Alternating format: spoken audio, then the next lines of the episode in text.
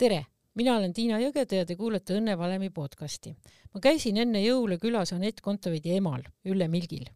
Ülle on noorte tennisetreener ja me rääkisime põhiliselt Eesti tenniselaste võimalusest saada sama ägedaks sportlaseks nagu tema tütar Anett Kontaveit.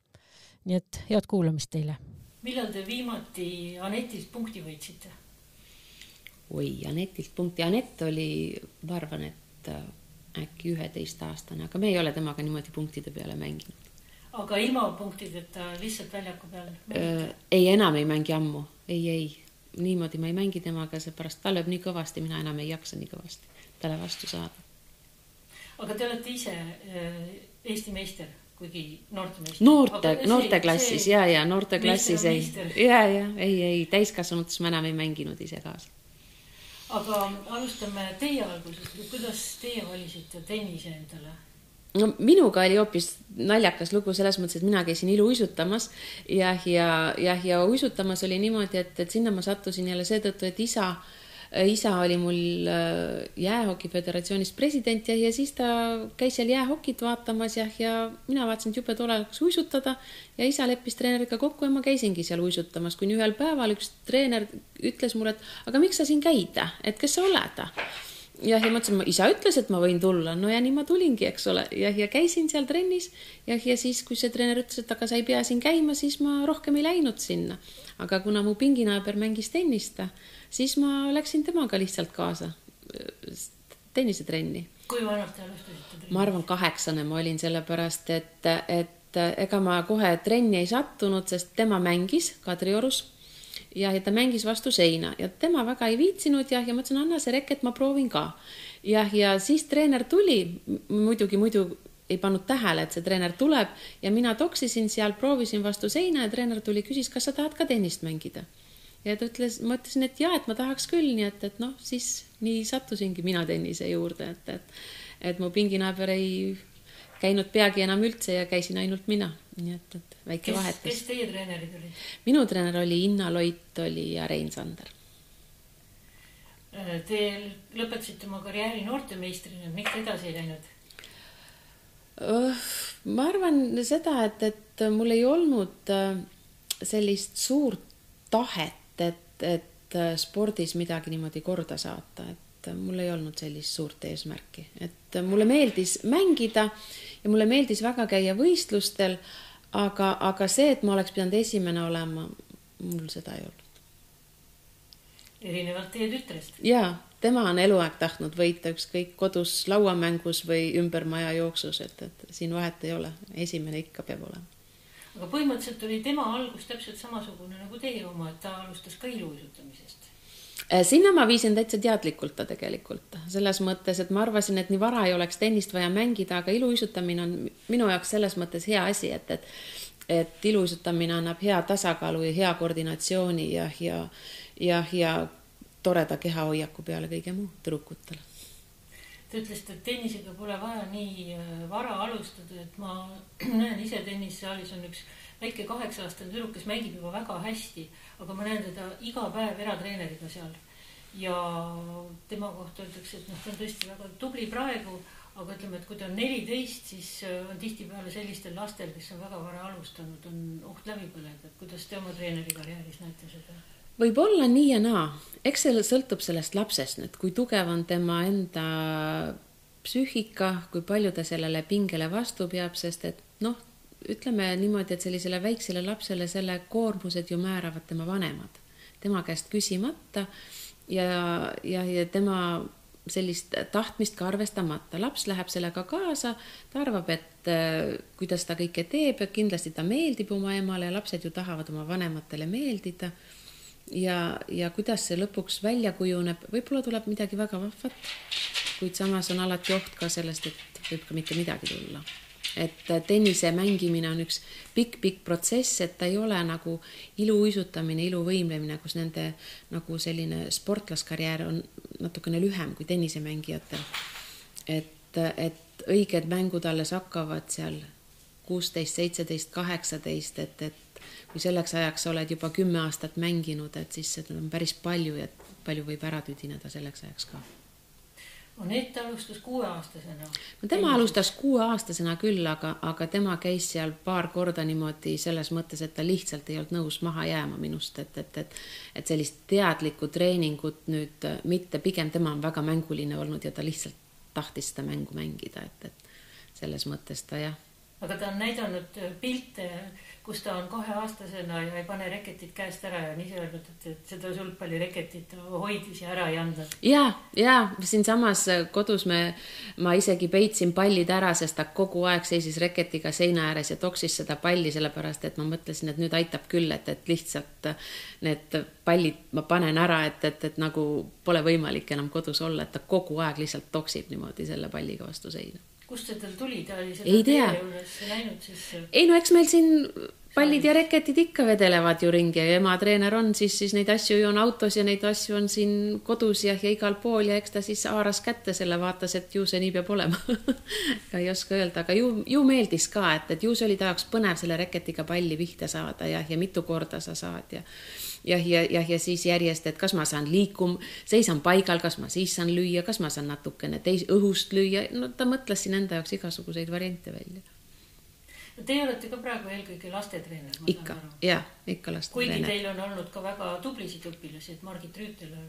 Margit Rüütel on, Anett Kaasik on olnud äh, täitsa palju, ütleme niimoodi, et, et meil klubis on olnud ikka hästi palju Eesti meistreid, noortemeistreid niimoodi jah, ja oli ka mingi aeg, kus oli täitsa oli niimoodi, et meie klubist on ka Maret Ani ja jah, ja olid äh, terve Eesti FedCupi koondis oli praktiliselt meie klubi mängijatest, nii et, et on olnud päris palju toredaid, tublisid, edukaid mängijaid. aga teie alustate päris pisikestega, kes tulevad esimest korda väljakule? Äh, praegu pole ma aastaid enam päris pisikesi võtnud, küll meil on klubis selline süsteem, et, et meil üks noorem treener teeb väikestega ette ja siis mina võtan sealt üle neid. ja lähete siis, kui kaugele?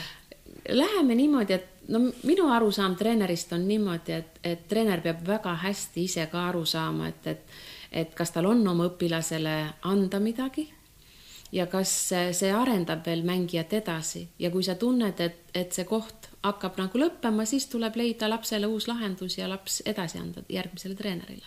Te olite kaheksa aastat Aneti treener, et kui raske teile see lapse edasiandmine oli, oma lapse e?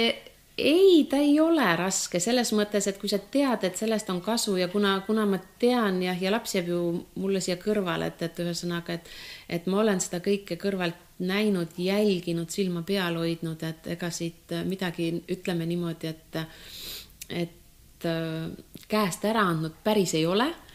aga, aga jah, niimoodi äh, ütleme, on hea, kui lapse areng jätkub ja sa ei tohi olla nagu kade selle peale sellesse kinni jääda. aga andsite ta üle järgmisele treenerile siis sellepärast, et te tundsite, et teil ei ole midagi enam anda? no päris raske, Anett on ka päris võimukas jah, ja, jah, ja mina olen ka ju harjunud kamandama, et, et peab nii olema ja nii olema.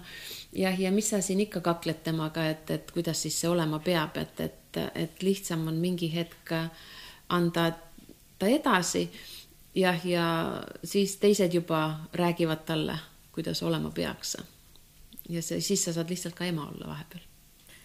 mõnedki mängijad on saatnud oma lapsevanemad üldse areenilt ära, et Tsitsipas, Zverjev ütles, et nad lihtsalt ei kannata välja, et kui neil isa karjub seal kuskil pingi peal, et hästi paned, et. no see on, see on, see on, ei, vaatamisega ei ole, aga, aga ütleme, et eks, eks see on natukene selles mõttes selline äh, noatera peal kõndimine, et emotsioonid on lapsel väljaku peal emotsioonid on ka vanematel väljaku kõrval. ja kuidas nüüd need äh, niimoodi, ütleme, et et vanemal peaks ikkagi piisavalt tarkust olema, et, et siis oma emotsioone seal ohjeldada ise, sest et äh, et sa oled ju vanem ja targem ja, ja, ja, ja pead iseendaga rohkem hakkama saama, kui see mängija sel hetkel väljaku peal, et, et minu soovitus on küll, et, et vanemad, olge targemad ise, et las lapsel need emotsioonid olla ja pärast rahulikult üle rääkida need asjad. kuidas teile rohkem meeldib, kas vaadata netimänge telekast või koha peal? koha peal on rahulikum koha peal sa saad jälgida nagu kogu situatsiooni ja koha peal sa näed, tajud seda ümbrust paremini, et televiisori läbi sa tunnetad lihtsalt seda, mis kaamera näitab, et, et see ei ole päris see. kas Anetile on see oluline, et tema lähedased on teda koha peal toetamas, vaatamas?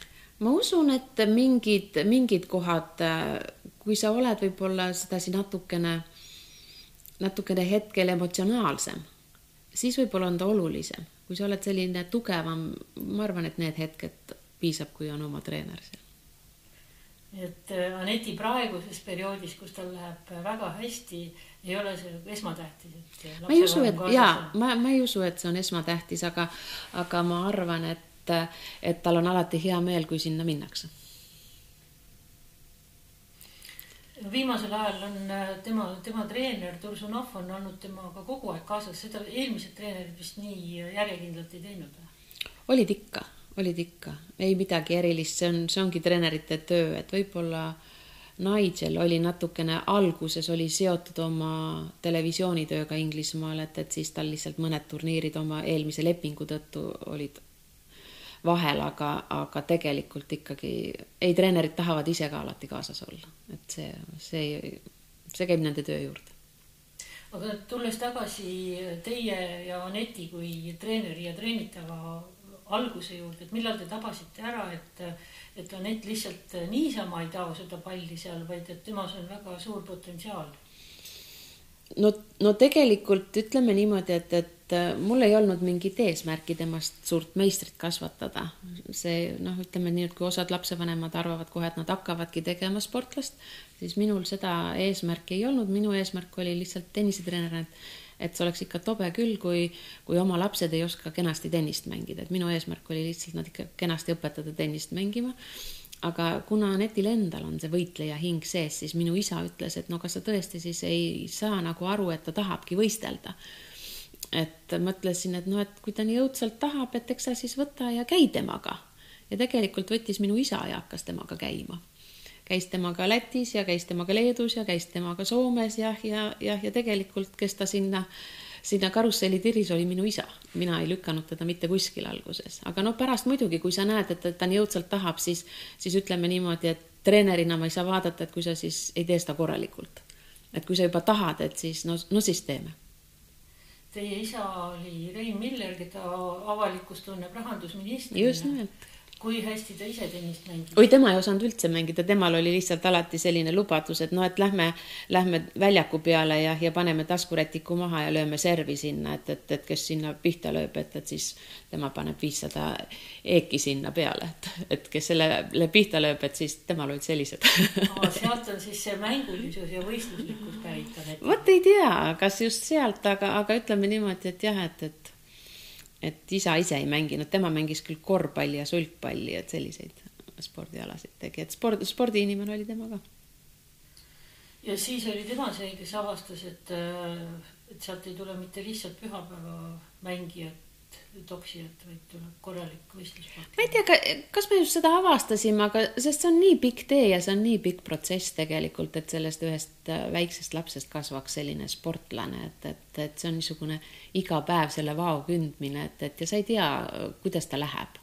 et selles mõttes nagu, nagu kohe ette mõelda, et, et nüüd temast tuleb ja temast ei tule, et, et ma arvan, et on hea ja rahulik, kui annad sellel asjal rahulikult minna aga kuidas, kuidas last motiveerida, et nüüd väike laps, ta, ta tahab ainult mängida, aga trenn ei ole ainult mängimine, et, et kuidagi peab teda ikkagi survestama, et kuidas no ikka peab, ikka peab ja sellepärast, et eriti tennis, tennis on nii tehniline ala, et, et, et ütleme nii, et, et noh, minu mõte on olnud alati selline laste õpetamise juures, et et sa pead nagu lapsele õpetama selgeks löökide arsenali, sest tennises on väga palju löö erinevaid lööke ja sa pead õpetama kõik need selgeks ja siis äh, laps valib ise, millise löögi, kus ja millal ta kasutab et ei ole olemas, et, et siit pead lööma nii ja sealt pead lööma naa.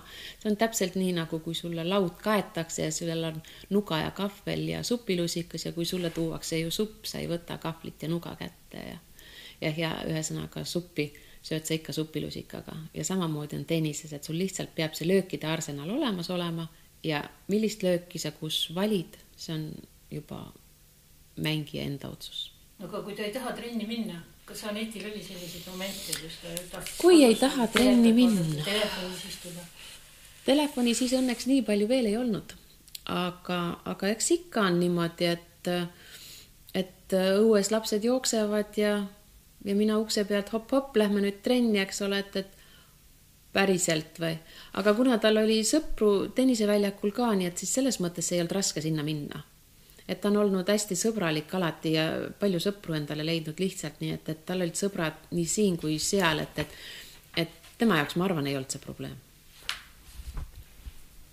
ei olnud sellist momenti, et te oleks pidanud kodus tülitsema või ajama teda või, või kuidagi ära ostma, et kui sa trenni ei, ei, ei äraostmisega meie ei tegele siin küll ei, ei ole kunagi tegelenud selles mõttes niimoodi, et, et äh, ei, see oli nii, see oli selge, et järgmine päev on trenn kell kümme ja me lähme sinna, et, et me ei hakkagi kauplema siin nende asjade üle. et kas me lähme või me ei lähe, see lihtsalt nii on, sellepärast et see trenn on kuidas te treenerina praegu näete, et kui palju on teie õpilased motiveeritud? ma arvan, et, et äh, need ei ole ainult minu õpilased, vaid see on selline ühiskonna teema, kus, kus äh, lapsed ei taha väga, ütleme niimoodi, palju pingutada, sest see on raske. Neil ei ole kerge pingutada ja, ja, ja, ja siis äh, ei ole vaja ka selliseid äh, üleliigseid äh, eesmärke endale võtta, et, et siis nendest pettuda. mulle tundub praegu natukene niimoodi. kas te peate oma õpilastega tegema seda tööd, et vaata, et sa homme trennis oled või kuhu sa nüüd jäid või? ei, seda ma ei pea, sellepärast et ütleme niimoodi, et kui on ikkagi äh, treeningud, me oleme läbi arutanud, mitu korda nad tahavad käia, kuidas nad käivad, et ei käimisega ei ole probleemi ja, ja trennis töötamisega ei ole, noh, eks ikka koolipäevadest ollakse väsinud ja ikka on paremaid ja halvemaid päevi. aga, aga ütleme niimoodi, et, et ma ei tea, mina saan oma lastega küll väga hästi läbi, et, et kui nad ei tule, me oleme kokku leppinud, et alati võib juhtuda midagi, alati võib olla äh, pea valutada, alati võib olla mingisugune muu asi vahele tulla, et aga alati teatage, nii et, et mina olen selles mõttes hästi rahul oma lastega, et, et, et nad käivad korralikult ja kui nad ei tule, siis nad ka teatavad. kas meil on praegu piisavalt seda baasi, kust hakkavad äh, tippsportlased ja professionaalsed sportlased äh, üles kasvama, et kas meil käib praegu piisavalt äh, lapsi trennis? ma arvan, et meil lapsi käib küll piisavalt ja päris palju, sest et väljakud on ju lapsi täis, eks ole, ja on täis ka harrastajaid, on täiskasvanuid, huvi tennise vastu on ju meeletult suur. aga ütleme niimoodi, et äh, minu silmis, treeneri silmis, kui ma vaatan võistlusi, siis minu jaoks äh, noorte mängimise oskus, tehniline oskus ja mängimise oskus on märgatavalt äh, viletsam, kui ta oli viis aastat tagasi kuhu see jäänud on siis? ma arvan niimoodi, et äh, see jääb äh, natukene kindlasti raha taha, sest meil on väljakud väga kallid. Äh, tennisetrenn ei ole odav, aga selleks, et tennist selgeks saada, siis alla kolme-nelja korra kindlasti ei ole mõtet käia. jah, ja aga enamus käib kaks korda, sest see on rahakotile rohkem soodsam kaks korda nädalas. kaks korda nädalas ja kaks korda nädalas just, aga sellega kahjuks tennist ära ei õpi, aga sellelegi vaatamata need lapsed õpivad mingil moel, ma ütleksin, mängima, nad saavad aru, mis on tennisemäng, eks ole, ja nad käivad mängimas ka noorteliiga võistlusi, mis on väga tore. nii et ütleme, et sellist ja nad saavad algtennisehariduse.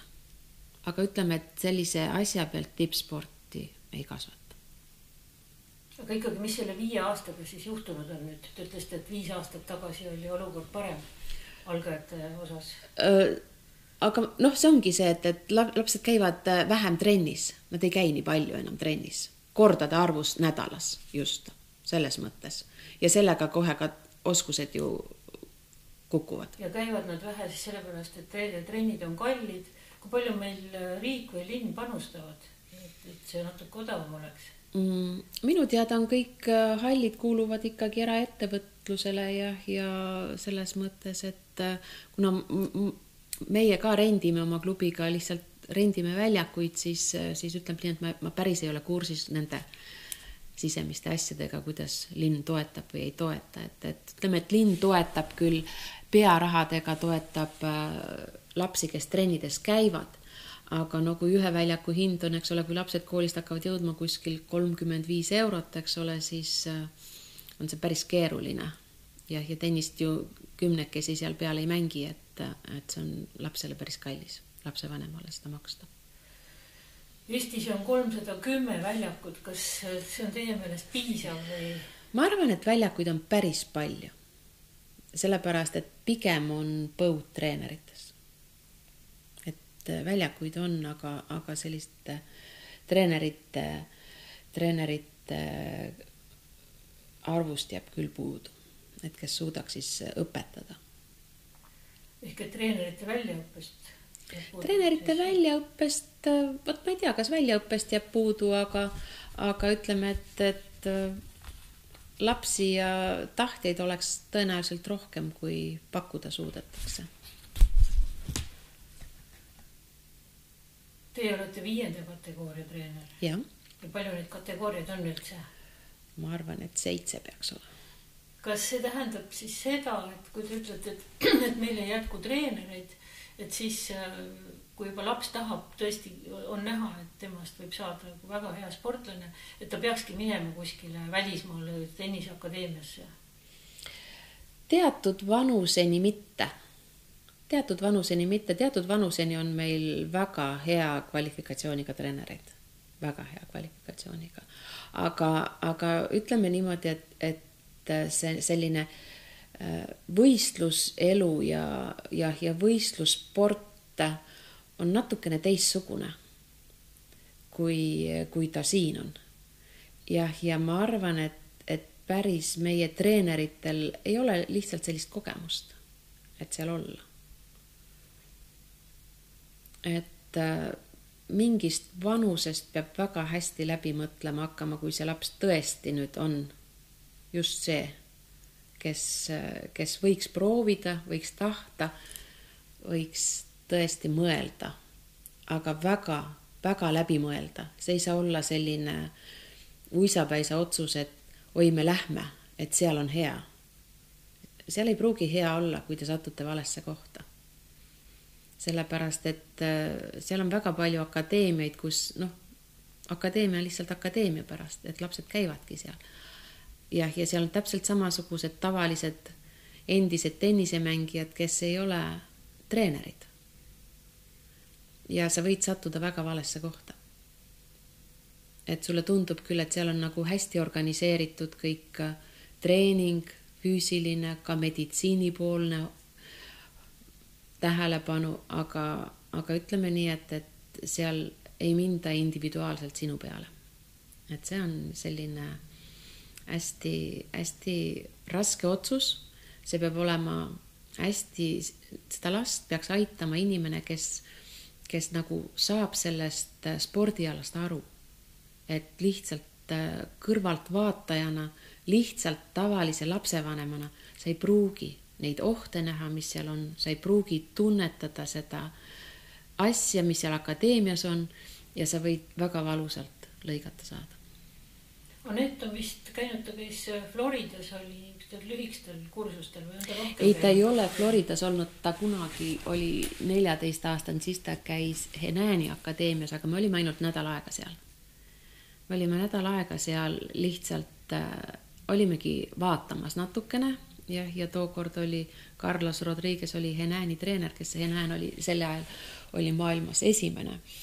jah, ja lihtsalt Äh, mõnda tema nõuannet, meil oli oma treener olemas, Andrei Luskin siin, aga, aga alati on hea kõrvalt lihtsalt nõuandeid saada, see ei tähenda, et, et sa pead seda sada protsenti enda peal rakendama, aga alati kõrvalt kedagi kuulda võtta ja mõelda, kas mul on sealt midagi võtta ja kui sa sealt, sealt ühegi hea mõtte saad, siis see on juba hästi läinud kui lugeda kasvõi seda tenniseajakirja, siis me näeme, seal on hästi palju niisuguseid lootustandvaid nimesid, et kelle, kellelt nagu loodetakse väga palju ja hiljem me nendest midagi ei kuule.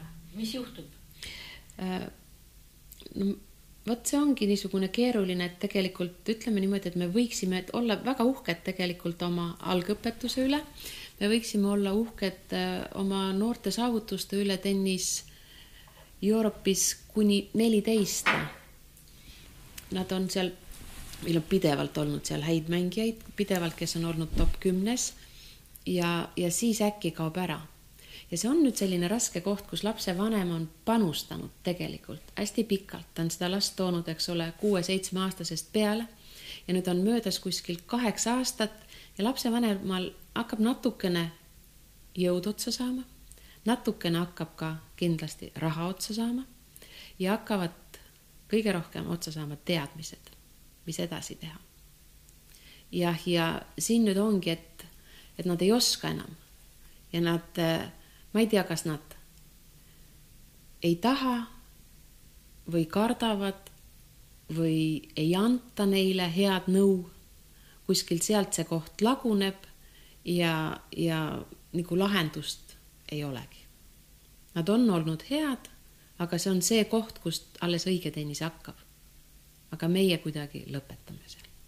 ehk et see noor jäetakse üksi siis või? tähendab noh, ühest küljest nagu meil ta on, eks ole, nagu alaliit võiks ju muretseda ta pärast, eks ole, aga alaliidu võimalused on ka piiratud. jah, ja ütleme niimoodi, et kelle vanem käib nõu küsimas, ma usun, et nad saavad ja pakutakse sealt midagi, kas selleks nüüd jälle lapsevanemal raha jätkub, eks ole, selliseks, selle võimaluse kasutamiseks. et äh, ma ei oska öelda. ma ei oska öelda seda. aga, aga ütleme niimoodi, et, et jah, osad proovivad minna akadeemiatesse, aga no akadeemias on ka kuskil neli pool tuhat, viis tuhat on siis ainult see treenimise maks, eks ole, elamine kokku. et äh, neli pool tuhat eurot kuus. kuus, jah. Et see ei ole vähe. see ei ole üldse vähe. see ei ole üldse vähe, nii et, et noh, ütleme, et see ongi niimoodi, et, et kellel see võimalus siis oleks, eks ju. ja kas, siis. ja selles vanuses äh, ikkagi algaja sportlane vist ei leia kuigi kergesti ka sponsorit, kes seda kooliraha oleks nõus maksma? kindlasti mitte, kindlasti mitte, et, et selles mõttes, et kui kui vaadata, eks ole, et mis see eelarve siis teeks, sinna juurde ei käi võistlused. kui see laps nüüd veel läheb äh, võistlema, eks ju, sinna juurde tuleb osta reketeid, sinna juurde tuleb osta varustust, riideid, lennukipiletid, hotellid, kõik juurde, nii et, et äh, ja see, kui lõpuks hakkavad huvi tundma sponsorid, sinna on ikka väga pikk maa minna. nojah, kes ütleme niimoodi, et, et, et et võib juhtuda nii, et, et, et see laps on selline särav. Jah, ja, jah, ja on olemas selline inimene, kellel ta jääb nagu silma.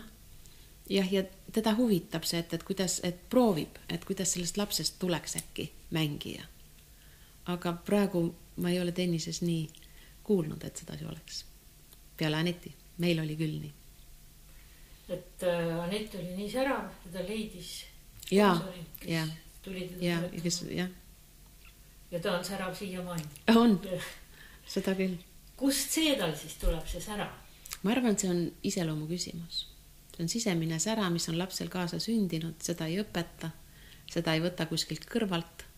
sellega nad lihtsalt sünnivad, see nii on. see on geenides. see on geenides. nii nagu tal on ka võitleja geen. aga te ütlete, et teil seda võitleja minul ei ole, ole, aga tema isal on kuidas selline võitleja ja võitja natuur elab üle kaotusi? oi, kui ta väike oli, siis ta nuttis nii, et vähe polnud. Käis võistlemas kuskil kaugel jah, ja, ja, ja, treeneritega, oh jumal, seda toru otsas nutmist oli üksjagu. lohutamist ja nutmist siin, et, et aga, aga ütleme niimoodi, et, et mida rohkem sa võistled, seda rohkem sa harjud selle protsessiga, et, et võidud ja kaotused, nad käivad sealt niimoodi ja, ja sellega harjub kaotamisega? kaotamisega ka harjub. aga sa ei lepi sellega. osad ei lepi sellega. et nad elavad selle üle, ta harjub ära, aga ta kindlasti ei taha kaotada. ja see sunnib teda võitma? ja, ja ta läheb sinna järgmine kord ikkagi võitma, sest et talle ei meeldi see tunne, et ta kaotas. talle lihtsalt see tunne, et tema kaotab, see ei ole tema jaoks vastuvõetav. ta harjub sellega, aga ta ei taha seda. Vene psühholoogias on selline mõiste nagu prefrontaalse dominantsi keel, mida kasutab meil Raul Rebane päris palju on oma, oma, oma õpilaste, eeskätt siis ka Gerd Kanteri peal äh, ma ei tea, mõõtnud või harjutanud, et see tähendab siis seda, et just nimelt, et, et noh, et üks asi on sulle, et sul on sportlikud eeldused, aga teine asi on see, et sa oskad olla seal tipus. et äh, sa tuled toime kõikide nende tunnetega kuni selleni välja, et sa oskad ka esineda. et mulle tundub, et Anetil on see prefrontaalse dominantsi geen on nagu väga hästi esindatud. no ütleme niimoodi, et ma arvan, kõik neid, need omadused kasvavad ajaga sa saad neid kogemusi, sa saad kogu aeg tunda neid situatsioone jah, ja, ja, ja kui sul on seda natukene olemas, kui sind natukene suunatakse, õpetatakse, juhitakse sellele tähelepanu, siis, siis need äh, arenevad koos sinu, sinuga koos. ma ise arvan natuke nii ja ikkagi alge peab sees olema. alge peab sees olema. sest et Anett on ju, ta on ka väga hea esineja, et see, kuidas ta annab intervjuusid, et. Jaa, aga, aga ma arvan, et siin võib tagasi tulla tema esimesse ja teise klassi, kus tema tahtiski ju esineda. ta tahtis luuletusi lugeda, ta tahtis laulda, ta tahtis tantsida.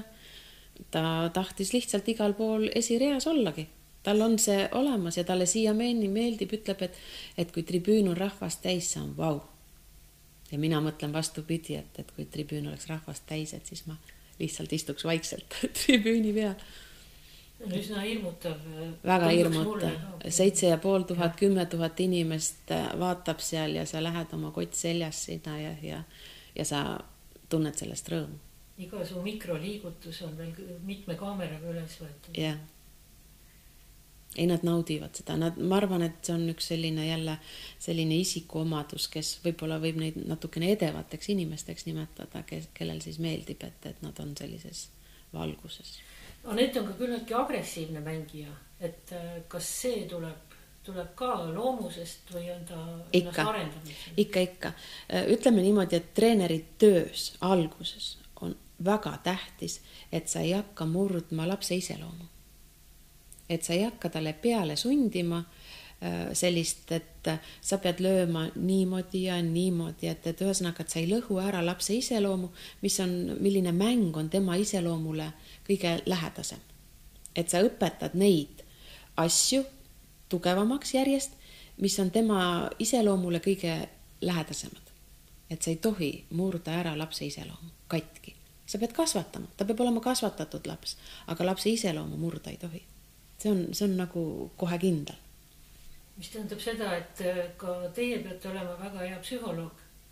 et, äh, et te pidite aru saama, et mis, mis tüüpi inimene tast kasvab ja mis on tema iseloom. no aga, aga ütleme, et ega need väiksed lapsed ju on suht kohe sellised äh, toredad ja avatud lehed, et, et, et nad tulevad ja neist on ju kohe näha, et, et kes on selline tagasihoidlikum ja kui nad natukene juba mängima hakkavad, siis sa ju näed ära selle juba, et, et kellele mida rohkem meeldib teha ja, ja kes, kus tugevam on ja millised on tema tugevamad ja, ja jah, ja ütleme, et niimoodi, et no seda on näha.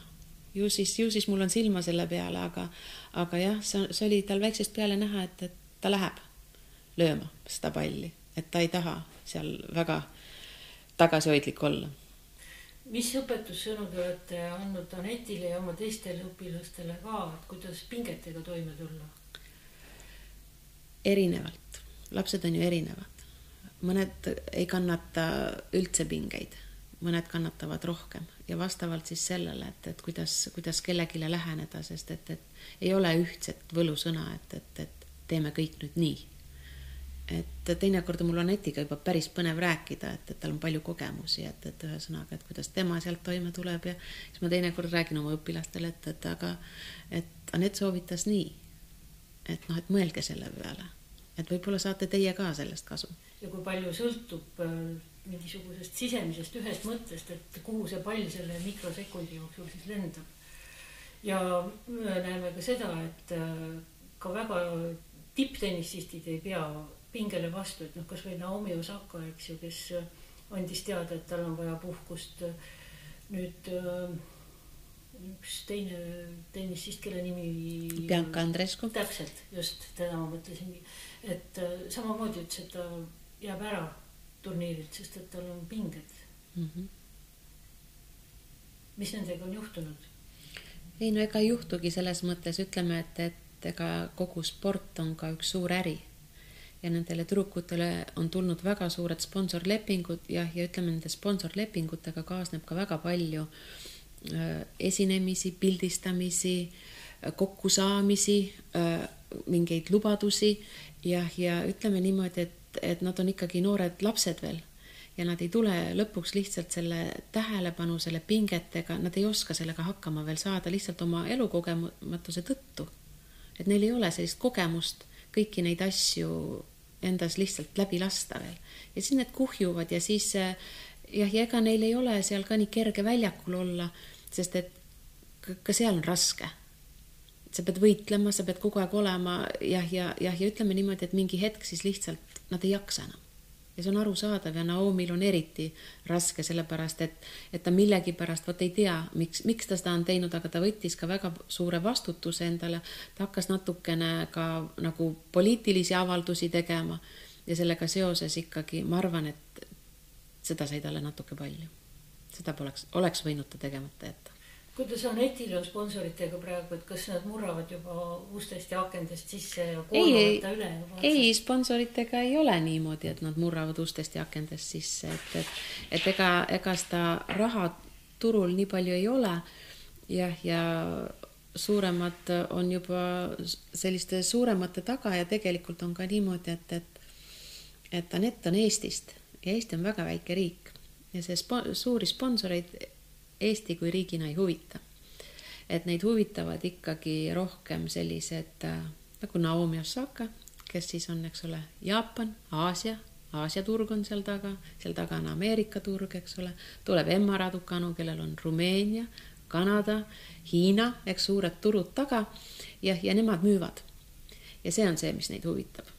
nii et, et see ei ole nii, et väike Eesti ei huvita eriti kedagi mis nõu te annate lapsevanemale, kes nüüd mõtleb, et noh, et tennis, et on niisugune glamuurne ala ja, ja kui sinna tippu jõuad, et siis ikka sind võid saada miljonäriks ja elada Monte Carlos ja, ja mängida seal nii nagu Federer ja Nadal, et ja Djokovic, et elavad seal üksteisele lähedal ja siis harjutavad koos ja et, et kui ta nüüd tuleb teie juurde küsima, et ma tahaks oma lapsele sellist elu, mis te ütlete talle? No ikka step by step, et ei maksa mõelda, mis on seal taga kaugel, et, et, et astume astme kaupa ja vaatame, mis saama hakkab, et et unistada on ju tore, aga, aga kas te tahate ka kõik selle tee läbi teha, mis on nemad teinud, et kas te tahate loobuda kõikidest oma puhkustest, kas te tahate kõik oma vaba aja panna lapse toomisesse, viimisesse kõikidesse nendesse asjadesse, et kas te tahate seda kõike ennem. see on seda. see, mida teie olete teinud? jaa, me oleme sõitnud ka Püünsis niimoodi, et Anett sööb tagaistme peal suppi, sest pole aega, et süüa. et noh, nii on, et, et äh, ühtegi puhkust, ei mitte midagi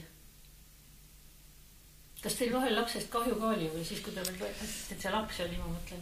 Äh, nüüd on ilmselt kahju teistel põhjustel. teistel põhjustel äh, ka ma ei ütleks kahju, sest ta ise õudselt tahtis seda. sa ise, ta ise õudselt tahtis seda ja siis sa lähed sellega kaasa, sest sa näed, et lapsele tegelikult meeldib see.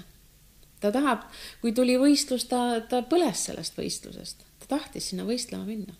tal ei olnud, ta tahtis kaasa mängida kõike paarismänge, segapaarismänge, kõike, kõike mänge. kõik, mida ainult pakuti, andke aga